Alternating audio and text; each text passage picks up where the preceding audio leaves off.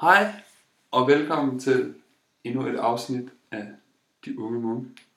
Snak. En Åh ja, podcast snak. med Vi er- vi Har er hørt blive vores podcast? Den hedder? vi har ikke, øh, det er et stykke tid siden, at vi har været i gang. Vi har haft lidt travlt, og det, det undskylder vi. Så vi tænkte, at det var på tide, at nu så fik vi snakket lidt igen. Og så derfor så tænkte vi, at det ville være relevant at snakke lidt om, hvad vi har lavet her det seneste stykke tid. Hvorfor at vi har haft travlt. Og vi har lavet en masse ting. Der er sket vildt mange forskellige ting. Og en af de ting, som sker, det er, at vi har fokuseret helt enormt meget på her det seneste stykke tid. Vi prøver ligesom at virkelig konstruere og skabe et blomstrende samfund. Fordi det her med Krishna-bevidsthed, der er mange, der tror, at det bare er for en lille gruppe munke, som bor i et tempel. Men sådan er det overhovedet ikke. Krishna-bevidsthed, det er, det er faktisk det er de færreste, der er munke og som bor i et tempel.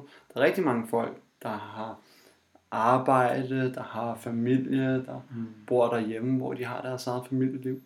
Så derfor så prøver vi at hjælpe folk med at lade sig inspirere i Krishna-bevidsthed, så vi har været ude at besøge helt vildt mange familier her på det seneste, og derfor så har vores program været sådan en, en lille bitte smule stramt. Men det har været super fedt. Mm, helt sikkert. Vi blandt andet så blev vi inviteret til at lave en housewarming. Og det jo ikke sådan en, uh, en dansk housewarming. Hvornår har du sidst været til dansk housewarming? 20 år siden, måske. Det er, det er ikke så tit. Ja, det er ikke så tit, nej. Okay. Men øhm, ja, det er også det er lang tid siden, at, at jeg selv har været til housewarming. Og der kom jeg faktisk til at tænke på, om der er sådan en eller anden... Har vi en, en, en rituel standard i Danmark for en housewarming? Jeg ved ikke, om vi har en standard for en housewarming, når man flytter ind et sted. Men vi har en eller anden standard for, hvis man bygger et hus. Jeg kan ikke huske, hvad det hedder. Hvad hedder det? Det hedder et eller andet... Et Ja, eller andet idé. Med warming i hvert fald, housewarming hedder det. Øh, hvor man, man har sådan en, en krans af en eller anden træ, som man sætter op i nogle af de her lægter, når man bygger et hus, og så drikker man øl. det, det, det, er det, jeg ved. Det lyder dansk. ja, det lyder meget dansk. Men der er ikke nogen, der bygger et hus nu om Der dagen. er nok også smørbrød. Det må der være. Det må der være. Ja. Det må der være. Men der er ikke nogen, der bygger et hus alligevel nu om dagen. Nu så flytter man jo bare ind i en lejlighed, eller et eller andet i den stil. Eller I noget. hvert fald her i København, ja. Ja, det er selvfølgelig rigtigt. Der er nok nogen, der bygger, bygger huse. Men der har man jo i, i vedisk tradition, så har man sådan nogle, nogle helt klare sådan retningslinjer for, hvordan en housewarming ser ud. Mm. Og det er jo vanvittigt hyggeligt. Super hyggeligt.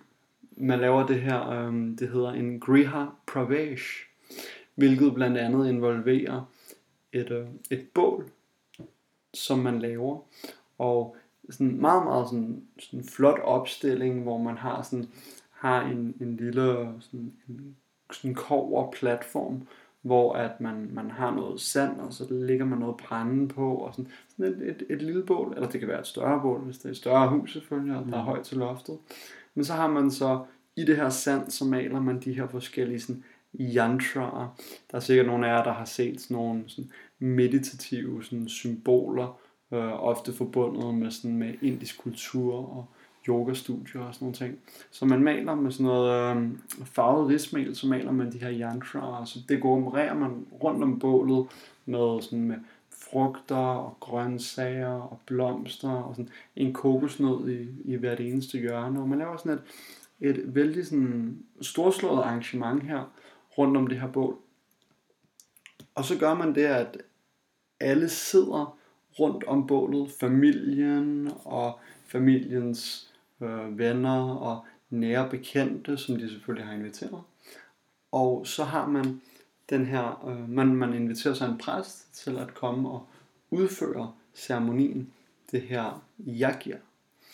Og præsten han tænder bålet, og så kaster han en masse forskellige sådan, ting ind i bålet, og folk de kaster, kaster ris ind i bålet. Det er jo lidt sjovt, at vi har Mm. en tradition, som vi har i Danmark, det er jo det her med et, et bryllup. Ja. Og i et dansk bryllup, så kaster man jo ris efter brudeparret, for at de må blive frugtbare. Og det er, lidt, det er lidt sjovt, hvis man tænker over det. Fordi, hvorfor i alverden er det blevet en tradition i Danmark, at man kaster ris efter et brudepar? Jeg tænker, hvor har de fået det ris fra? Mm. Det er ikke fordi, at, altså, at du gror ris nede i din, i din kolonihave, eller sådan. Hvor, hvor, hvor, hvor får man risen fra? Så hvordan, hvordan er det blevet en tradition i Danmark, at man kaster ris efter et brudepar? Der kan jeg ikke lade være med at tænke, at det må da komme fra, fra vedisk tradition. Ja. Fordi der kaster, der, de kaster dem hele tiden med ris. Fuldstændig. Alle de her forskellige jakkers, det er sådan ris over det hele, og rismel og ris i sådan i, i sådan gurkemeje, så det bliver sådan, anyway, der er en masse detaljer der, men så, okay, jakker i hvert fald, så der er en præst, og der bliver kastet ris over det hele, og så bliver der sådan noget klarificeret, klaret smør, bliver hældt ned i ilden, det virker lidt ligesom, som hvis du hælder, sådan, hælder benzin på et bål, ikke? så hver eneste gang, at, at præsten han hælder give ud over bålet og siger mantra, så blusser flammerne op i, i takt med, at han, han chanter de her mantra. Og det skaber bare sådan en, en vild fed atmosfære, og folk rundt om bålet der, de sidder og, og chanter med.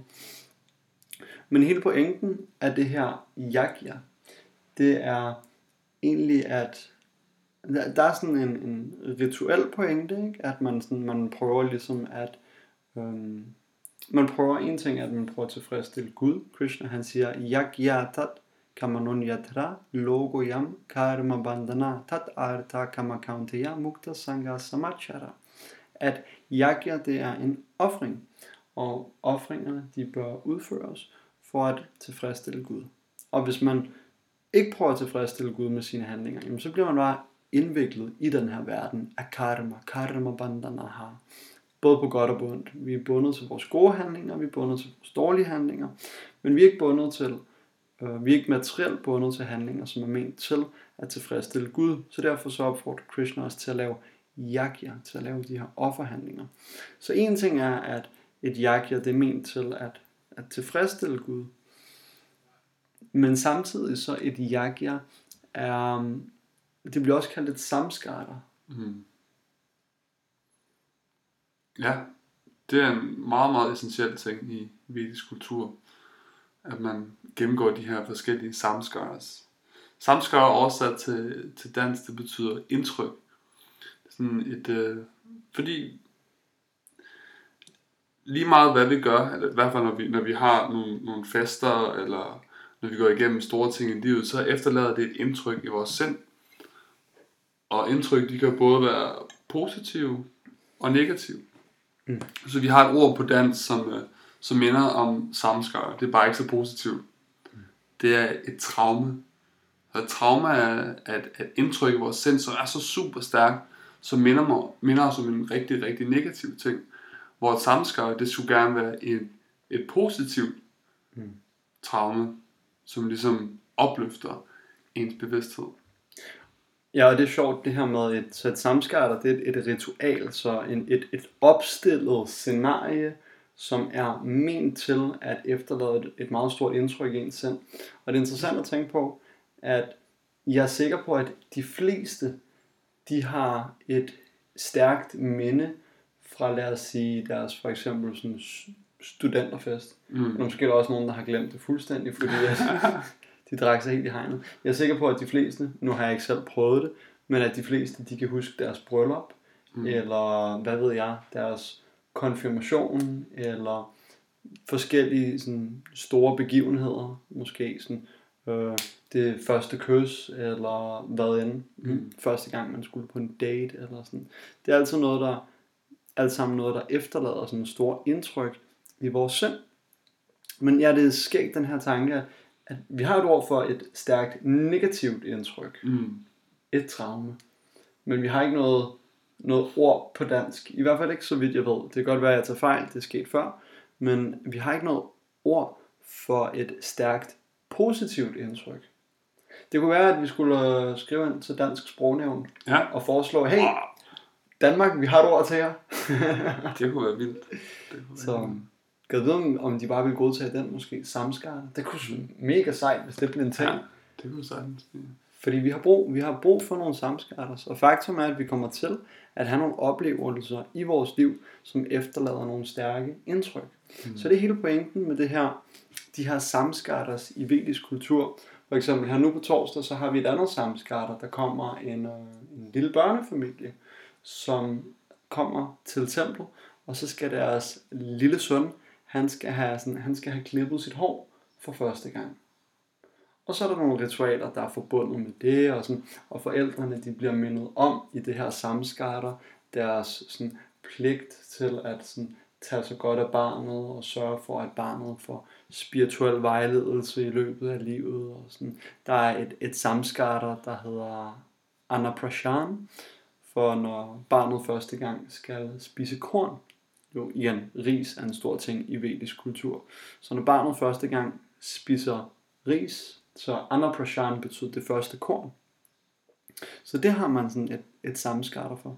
Og alle de her forskellige samskatters, de er ofte koblet til en, en spirituel eller en religiøs oplevelse. Mm. Så det er som regel noget, der involverer et, et, et tempel og nogle sådan mantraer, der bliver chantet, og som regel noget, noget interaktion med nogle sadhuer, med nogle hellige mennesker, som læser lidt højt fra skrifterne og minder os om, at der er forskel på kroppen og sjælen og alle de her ting. Så dem har vi haft vældig mange af her på det seneste, de her sådan forskellige hjemmeprogrammer og samskatters, forskellige jagjager. Og, øhm, Jeg tænkte, det må også have været stort for dig, for du har jo ligesom været, været præsten til de her hjemmeprogrammer på det sidste. Både når, når børn kommer og får klippet deres hår og får deres første korn, men så også, det vi havde den her ildceremoni, faktisk nærmest lige på den anden side af gaden, vores naboer der. super fedt jo, at der, der var en familie, som havde købt et hus sådan lige rundt om hjørnet. Sådan. Og, Ja. og netop fordi de gerne godt kunne tænke sig at være tæt på templet. Ja. Så stille og roligt, vi prøver at opbygge sådan en lille, lille community. Ja. Og sådan. Så det kan være ligesom i, i New York, så har man sådan Little Italy og sådan Little China. Og på et tidspunkt så vandløst, det bliver sådan Little India. Lidt lidt, ja. Mm. Og det var ret vildt. Men ja, det var, det var ret fedt. Ja. Det var, f- jeg synes, ja, jeg er så Jeg synes, du gjorde det vildt godt. Det var... Tak skal du have. Ja. Jeg er glad for at, at få lov til at tage del i den her kultur. Jeg synes simpelthen bare, at den er så smuk Mm. på mange måder. Det her med at... Og der, der er så mange af de her yagyaer. ikke? Der er noget, der hedder Sodasha Samskaras, der betyder de, de 16 ritualer, eller de 16 af de her sådan stærke, positive traumer. Og det er sådan... Ja, så, så og hvis, hvis alle mennesker går igennem 16 af de her samskatter i løbet af livet, og man lever i et, i et community, eller, sådan, eller en landsby, et samfund, og sådan en store familie, og sådan, jamen, så betyder det, at ens, ens liv, den bare er proppet med de her sådan, sociale funktioner og samskatter og sådan noget. Så det gør det bare, det gør livet sådan vældig, vældig livligt og kulørt. Og det kunne godt, jeg, jeg synes Danmark er sådan, okay, nu, jeg skal, nogle gange så kan jeg sådan godt komme til at sådan række lidt ned på, på mit eget bagland og min kultur, som jeg kommer fra. Men jeg synes Danmark er sådan lidt, lidt fattigt med hensyn til, til de her ting. Sådan Ja. ja. helligdage og sådan noget. Vi har lidt sådan, altså, og de helligdage, vi har tilbage, det er sådan, der er ikke rigtig nogen, der ved, hvorfor og sådan noget. Ja. Nu havde vi lige sådan, der var Sankt Hans her for et stykke tid siden, ikke? Og det er sådan, så står vi der og, sådan, og, og synger sange om, om, hvor smukt det er, når det er midsommer i Danmark og sådan noget. Så brænder vi en heks. Og sådan, noget, fordi det, var, det, var, det var en tradition i gamle dage, ikke? Og sådan, men hvorfor er det, vi brænder en heks? Mm. Så de her vediske jagtjern, der er der bare sådan, der er så meget mening, der er så meget sådan kultur og forståelse, der er Ja. substantielt. Men jo, det, har- det har gjort et stort indtryk. En ting, der gjorde et rigtig stort indtryk også, øhm, det var f- første gang, at jeg havde sådan en, øh, en hårklipningsceremoni.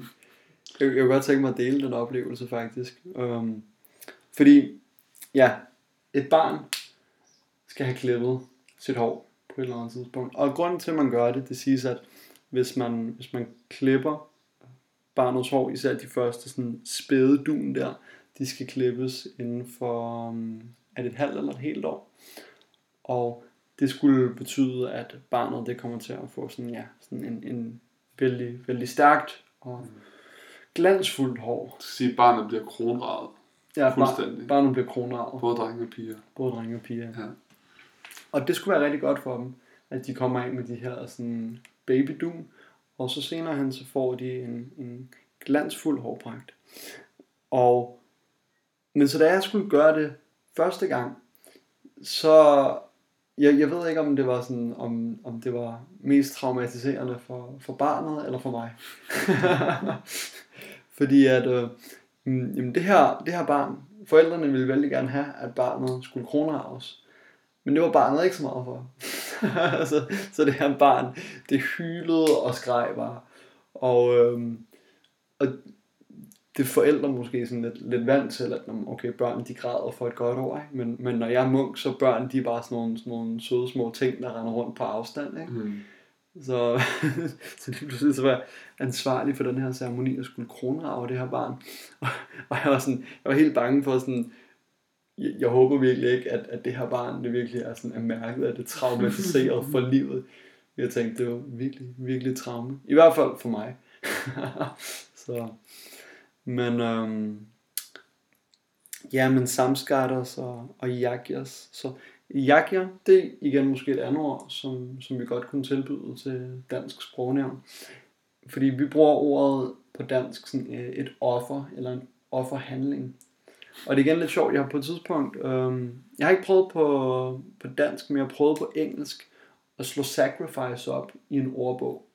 Bare lige for at finde ud af, hvad, egentlig, hvad, hvad er definitionen af, af et offer? Hvad er definitionen, sådan ordbogsdefinitionen af et sacrifice? Fordi det er noget, der går igen igen i vores kultur.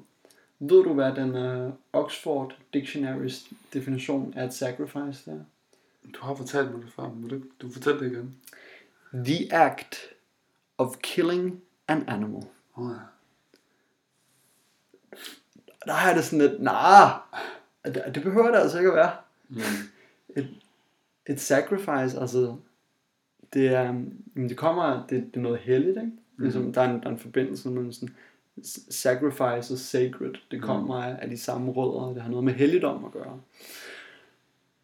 Og det her med, at, at det handler om at slå et dyr ihjel, det er, det er en misforståelse. Der har måske været sådan nogle rituelle offerhandlinger i nogle kulturer, som har indebåret, at der har været et dyr, der har måttet lade livet. Og det, det er ikke noget, vi gør i vores tradition. Det er sådan, mm. altså, vi er, vi er vegetarer, og vi har respekt for levende væsener, uanset sådan, hvilke kropslige manifestationer de må forekomme i. Men på, på engelsk, der er ordbogsdefinitionen af at offer, det er the act of killing an animal. Mm. Hvor at jagna mm, betyder, ja, betyder egentlig at tilfredsstille Gud. Så det er egentlig hvad et, et offer er, og det er egentlig hvad det er ment til. Det er hvad et, et sacrifice det er ment til, og derfor så kan det gøres på mange forskellige måder. Ikke? Så hvis du for eksempel, hvis, hvis du tager en uddannelse, og du kæmper rigtig, rigtig hårdt for at etablere dig selv i sådan en position i samfundet, hvor du kan agere en rolle og på en eller anden måde tjene Gud i en, i en kapacitet, jamen så er det et jakja. Ja. Forældre, som sætter sig ned og har kvalitetstid med deres barn, for at give det barn gode og guddommelige kvaliteter, det er et jakja. Det er et... Min gamle far, han er begyndt at, øh, jeg tror det er min, min lidt fanatiske indflydelse på ham, han er begyndt at gå i kirke igen her. Okay. På sine gamle dage. Wow. Så det er det, jeg giver, når man går i kirke, ikke? Mm. eller man tager til moskeen og bøjer sig ned. Ikke? Det er altså en for at mm. tilfredsstille Gud. Så der er mange forskellige former for, for yagya, som man kan lave. Og Krishna han siger i Bhagavad Gita, at det bedste af alle yagyaer er Sankirtan Yaga. Sankirtan Yaga. Eller japa mere specifikt. Mm. Krishna han siger, Yagyanam Japa Yagyushmi. Han siger, at alle former for yagya, der er japa det bedste. Og kunne du ikke tænke dig at snakke lidt om japa og give folk en lille introduktion til, hvad det vil sige, og, og hvad vi gør i det henseende? Jo. Japa er sådan ret, ret sejt ord. Det lyder ret cool. Japa. Mm. Det betyder egentlig at mumle, så vidt jeg forstår på sanskrit. Fordi der, det er sådan, nok den mest populære måde at meditere på inden for, inden for ikke bare den vediske kultur, men også inden for rigtig, rigtig mange andre traditioner. Jeg ved, øh, buddhister, de bruger japa, kristne bruger japa, muslimer bruger japa. Så det man gør er... Jeg kalder det bare noget andet. Jeg kalder det bare noget andet, ja. Så det man gør er, at man har en øh, sådan perlekæde med et vis antal perler på. I vores tilfælde er det 108 perler, hvor på hver perle, der chanter man eller reciterer et mantra. Så vi reciterer Hare Krishna mantra, Hare Krishna, Hare Krishna, Krishna Krishna, Hare Hare, Hare Rama, Hare Rama, Rama Rama, Hare Hare. Og det gør vi 108 gange på sådan en maler der.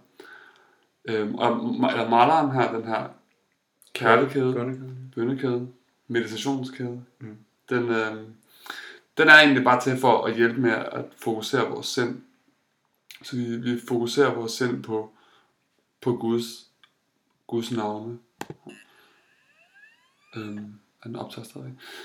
Og så, øhm, men det interessante ved det her, øh, grund til, at vi, jeg forestiller mig, at du nævner det her, det her Jabba, var fordi vi havde lavet nemlig et kæmpe jagja her den anden dag. En kæmpe øh, offerhandling, så at sige, sacrifice.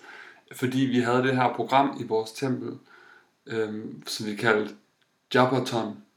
Ligesom et maraton. ja. Ligesom et maraton, ja. Bare med, øh, i stedet for at løbe en masse, så chantede vi en masse, vi mediterede en masse. Og det var så vildt at se, hvad der skete. Fordi alle de her familier, som sådan plejer at komme i templet, men ikke rigtig har nogen meditationspraksis og sådan noget, de deltog i vores Jabbaton her. Og flere af dem, de mediterede i flere timer. Selv børn. Mm. Du kan se, altså alle ved, at, eller mange ved, at moderne børn er sådan ret rastløse. De er vant til sådan instant gratification. Vant til at sidde ved deres iPad og være totalt forstyrret hele tiden. Men du kan se, at de her børn, de var bare sådan totalt absorberet i at sidde og, chante Jabba. Mm. Og vi endte med at, vi endte med at, at chante hvor mange navne? Jamen, vi havde sat et mål. Og nu så nævnte du, Madame Gopal, at så der er 16 navne på Gud. Det er de samme navne, der går igen, ikke? Hare Krishna, Hare Krishna, Krishna Krishna, Hare Hare, Hare Rama, Hare Rama, Rama Rama, Hare Hare. Så det er Hare Krishna og Ram, tre navne på Gud på sanskrit. Og på et mantra, så er der 16 navne.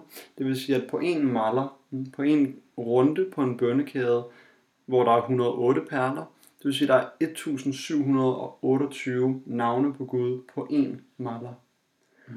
Og vi satte os så det mål, at vi ville chante sammen i fællesskab en million navne på Gud.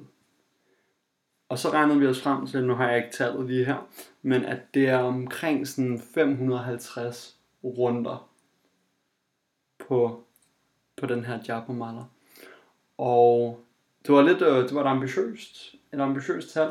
Øh, vi var, vi var ikke helt sikre på, hvordan folk de ville tage imod det, og hvor mange der ville komme. Om vi bare, hvis vi, hvis vi bare skulle gøre det selv, hvis det var bare sådan munkene her i templet. Mm. Men det var totalt fedt at se, at der var sådan, der blev bakket super meget op om det. Vi havde sådan en lille liste, hvor at vi noterede sådan alle, der kom, og så skrev vi dem ned, både med deres øh, navn, deres alder, fordi det var ret interessant at se så mange små børn komme og deltage. Så fedt at, at se sådan, jamen, sådan lille, lille Peter på 8 år, han har chantet sådan 10 runder eller sådan noget totalt vildt, ikke? Mm. Så vi skrev dem op med navn, alder og antal runder. Og vi havde omkring 70 deltagere.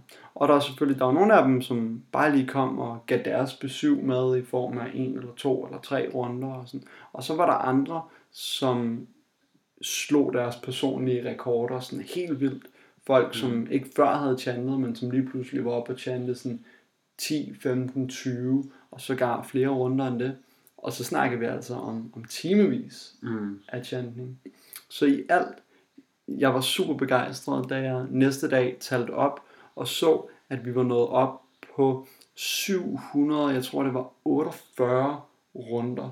Oh. Så vi kom op på 1 million 200, nej, ja, 1 million 282.000 navne på Gud. Det er helt vildt super, super fedt at se. Og øh, Jeg tror faktisk, at vi kommer til at gøre det her det, det næste stykke tid, at have vores søndagsfest på den måde. Fordi vi er sådan, vi, er jo, vi, vi prøver også sådan at spille efter reglerne selvfølgelig, ikke? og vores tempel det er bare ikke større end det er. Det er 95 kvadratmeter, og der er de her regler med, at jamen, okay, der skal være sådan 1 meters afstand mellem hver person. Men hvis man synger, så skal der være 2 meters afstand mellem hver person. Og så er det veldig upraktisk, fordi ja. altså, i Hare Krishna bevægelsen, vi synger jo hele tiden. Hele tiden. Hele tiden synger vi. og danser også, for det ikke skal være noget Ja. Og det er jo sådan, så... så og lige, mumler. og mumler. vi er nogle underlige nogen. Men vi har det sjovt med det. Mm. Så, men det vil sige, at, at vi ikke må være særlig mange, der kan sidde i templet og synge. Men der er plads til lidt flere, hvis vi kan have det her jabra. Så vi har aftalt, at vi gør det, at jamen, vi, vi sætter folk op, i, så har vi sat sædepladser frem, så folk de kan sidde i cirkler og chante sammen. Så kan der være omkring sådan 35 mennesker inde i tempelrummet. Hvis der kommer flere, jamen, så kan der sidde nogen ude i gården, der kan sidde nogen på græsplænen. Så har vi forskellige rum rundt omkring i templet. Og til det her japa-meditation, man behøver ikke nødvendigvis den sidde ned i skrædderstilling. Man kan udtale Guds navne, mens man sådan går en tur ude i den friske luft. Mm. Så der er nogen, der kan måske tage deres jabba mens de bevæger sig rundt i, sådan, i kvarteret og ja. får noget solskin og sådan. Sidde ude i forhaven. Mm. Så vi kommer til at nok det næste stykke tid, at have sådan et her jabbaton hver eneste søndag. Ja. Og så tror jeg, at vi bare sådan, at vi skruer stille og roligt op. Sådan, ja. Så jeg tænker målet for næste søndag, det er 1,5 1,5 millioner navne. Det skal vi også sætte over os Ja, men det, det er tid. Og vi, vi må lige huske at nævne, at der bliver stadigvæk serveret lækker vegetarisk festmåltid. Ja. Det gør der stadigvæk. Selvfølgelig. Så det er ikke... Men vi gør det på den måde nu også, fordi igen, vi kan ikke servere folk, som vi plejer, hvor de sidder i rækker, og man kan sidde og sådan og chit-chat og small talk og sådan noget. Så vi gør det, at man kan, vi laver et stort måltid, så kan man så få en takeaway box med. Mm. Og så hvis at der er nogen, der har lyst til at komme og deltage, og det er jo, altså det er Skjulehøj Allé, 44, 27, 20 Vandløs, hvor det går ned, og man kan komme i løbet af hele dagen. Man kan komme, de fleste de kom sidst ved sådan øh, normal søndagsfesttid, mellem sådan klokken 3 og klokken 6-7 om aftenen. Og så var der nogen, der kom lidt før, sådan hen ad formiddagen og, sådan, og, mm. og middag. Men uanset hvornår man kommer, så kan man komme og give sit besøg med, sådan chante på runder mm. og sådan noget, deltage i, i yakyaet. Det her Harinam Sankitan Japa Yakya, fælles meditationen af Guds hellige navne. Og så hvis man har en lille container med, så kan man få et, et godt hjemmelavet vegetarisk prasadam måltid lavet med kærlighed til Gud med hjem. Ja. Ja, man er velkommen til at komme tidligt også, hvis man har lyst. Man kan komme med til vores morgenprogram. Vi begynder allerede at chant klokken kvart, kvart over fem om morgenen. Kvart over fem, der er en jabba meditation til ja. kvart over syv. Og det er jo, altså, det er ikke bare om søndagen, det er ja. hver eneste dag. Hver eneste dag, ja. hele året rundt. Så øh, det skal man være meget velkommen til. Vi ved godt, det er sådan lidt for, for the, the early birds, ikke? Mm. Og, men skal være velkommen. Super, super hyggeligt. Super fed praksis. Jeg vil ikke være det for Nej, det er virkelig... Og jeg synes virkelig, at man, man får en smag for det, når man, når man gør det så meget, som vi gjorde her i søndags. Mm. Altså, man, jeg, jeg husker min, øh, min åndelige mester, han, til min initiering, når man bliver initieret, så, så tager man et løfte om at chante et vis antal runder hver dag. Så, så han, han spurgte mig, sådan, hvor mange runder skal du chante hver dag? Så sagde jeg 16, for det er ligesom det, det, det løfte, vi tager. Og så sagde jeg, nej, 16 det er minimum. Mm. Og det er virkelig, og det er gået op for mig på det sidste, hvorfor han sådan, det er minimum. Fordi det, når, man, når, man, når man går over det, så kommer der virkelig en smag. Sindet overgiver sig til den her meditationspraksis. Så sindet vælger bare at sige, okay, jamen, det er det, vi gør. Mm. Nu fokuserer vi bare. Ja. Og man får bare den her dybe ro og den her dybe tilfredsstillelse. Mm når man... Øh... Det er fedt det der, du siger, når ja, at sindet det overgiver sig ja. til meditationspraksisen. Det oplevede jeg også nu, hvor man bare sad sådan i, i flere timer. Jeg slog min personlige rekord. Jeg, ja. jeg kom op på 40 runder. Nej. Så det var super, super fedt. Og jeg oplevede det samme, at mit sind det bare accepterede, at i dag, der er det bare meditation. Mm. Så det var ikke sådan, det var ikke sådan noget med at skynde sig igennem sine mantra, ja. men bare sådan, tage sig god tid og sådan noget. "Nå, men det var den runde, det var den runde. Ja. Og sådan bare sådan til stede i nuet, og bare sådan chante, chante, chante, chante, chante, chante, chante. Og vi har jo i vores, altså vores filosofi og vores sådan overbevisning, vores tro, kan man sige, er jo, at vi ikke er den her krop, vi er udødelige sjæle, og at vi bevæger os fra den ene krop til den anden, baseret på vores ønsker, baseret på vores karma. Vi havde et tidligere afsnit af vores podcast. Hvis I ikke har set det, så kan vi anbefale det, hvor vi snakker om reinkarnation. Mm. Og hvor at en essentiel del af vores lære er, at det er sindet og sindets tilstand, som er udgangspunkt for vores næste genfødsel i den her verden. Så derfor så Krishna han anbefaler, at man arbejder med sin bevidsthed på en daglig basis. Og at man dirigerer sine tanker i en bestemt retning. At man, at man tager bevidst kontrol over sin bevidsthed. Så man i sidste ende, når man har nået sådan de, de sidste kapitler af livet, at man så er klar til rent faktisk bare at fuldstændig overgive sin bevidsthed til at, at tænke på Gud Mm. med, sådan, med, med kærlighed og affektion. Og der hører vi, at jamen, på de her sidste stadier af livet, så, så bør man sådan utilknytte sig, gøre sig mere og mere utilknyttet til, til alle de midlertidige forekomster i den her verden. Og det kan man gøre ved bare at intensivere sin praksis af chanting. Ja. Så der havde jeg en fed oplevelse, også med hensyn til det her Jabaton, at jeg, jeg tænker meget af sådan, okay, nu ved jeg, hvad jeg skal gøre, når jeg bliver gammel. når jeg bliver sådan, når jeg, når jeg ikke rigtig kan gøre noget, sådan, noget praktisk mere, og sådan, fordi okay, nu har vi stadigvæk, vi unge og har noget lidenskab, ikke? og vi prøver Mm. at sætte nogle ting i gang. Vi prøver at starte en skole, tage ud til housewarming, sådan, starte et farmsamfund op fra bunden, og alle de her ting, sådan, køre et tempel og sådan noget. Der er mange praktiske ting, man kan gøre for Krishna. Ikke? Det er alt sammen yakya. Det er alt sammen en for at tilfredsstille Krishna. Men vores åndelige mester, Srila Prabhupada, når jeg siger vores åndelige mester, okay, vi har, vi har en anden åndelig mester sådan specifikt, men hele ISKCON, hele Hare Krishna bevægelsen, ser Srila Prabhupada, vores grundlægger, som værende sådan den overordnede åndelige mester for bevægelsen. Og han sagde det her med, work now, mm? arbejd nu for Krishna, brug din energi for Krishna. Så siger han, samadhi later. Så samadhi, det er den her tilstand af, sådan, af fuldstændig sådan meditation.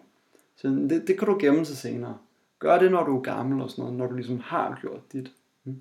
Så, når du, så kan du med god samvittighed, når du har brugt al din livsenergi på at prøve at tjene Gud, så kan du så med god samvittighed bare sådan sætte dig til at meditere, og egentlig forberede dig på at dø. Mm.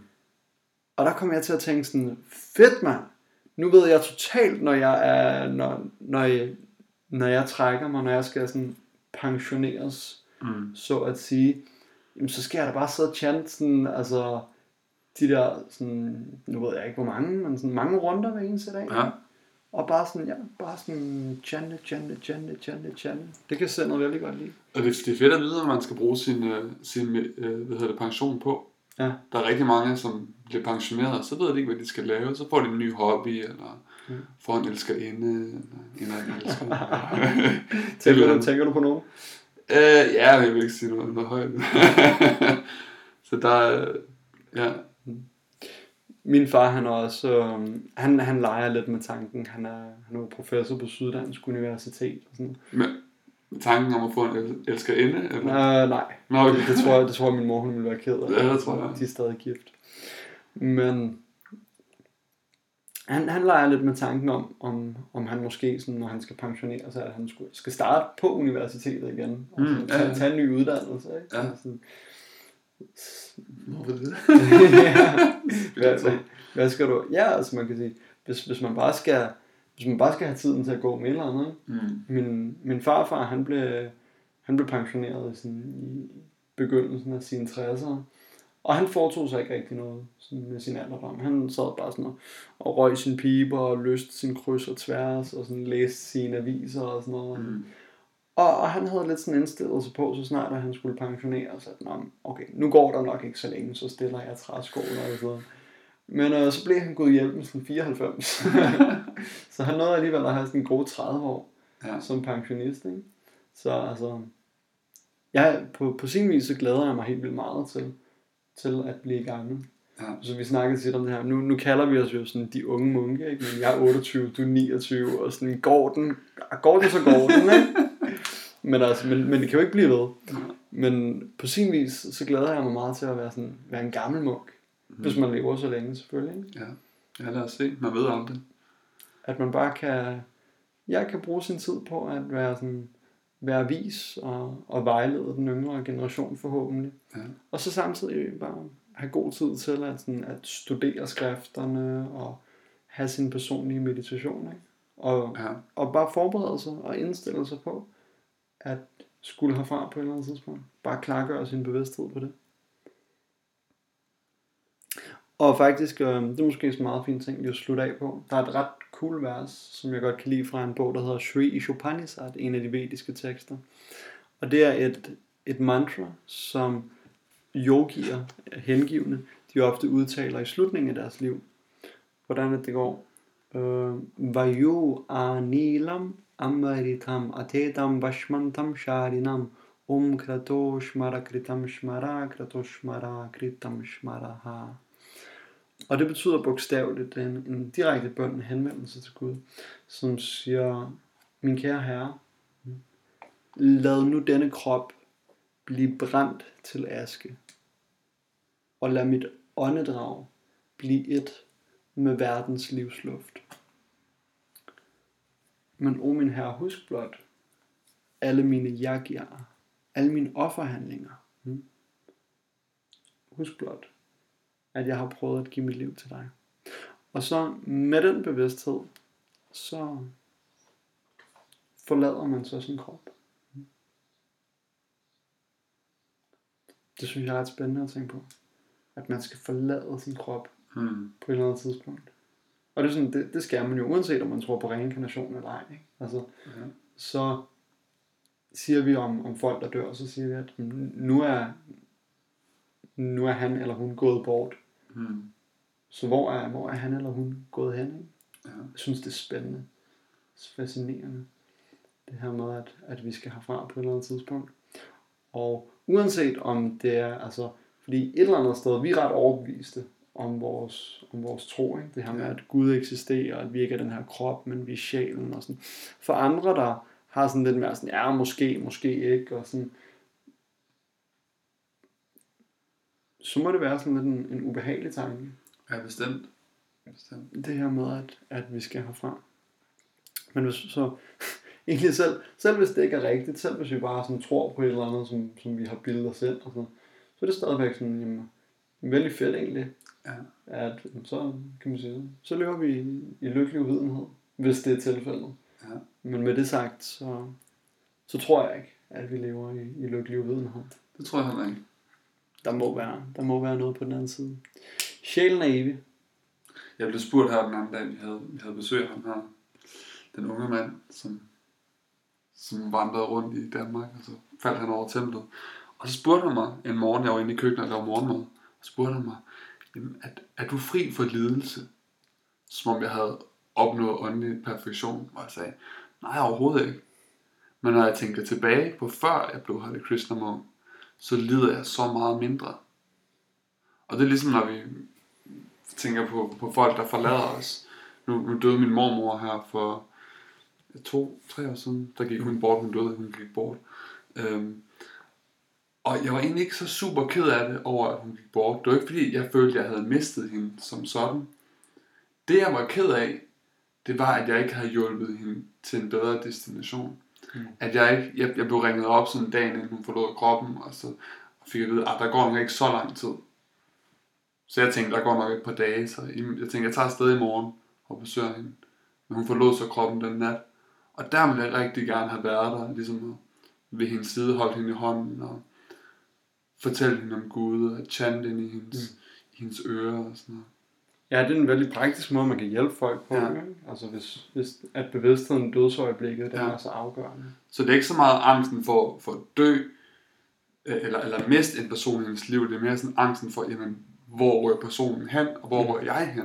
Mm. Det er ligesom, når, når vi er angst for at dø, så er det sådan, "Åh, har jeg udviklet en god nok bevidsthed til at forlade min krop nu? Mm. Forlader jeg min krop med den her bevidsthed, hvor rører jeg så hen?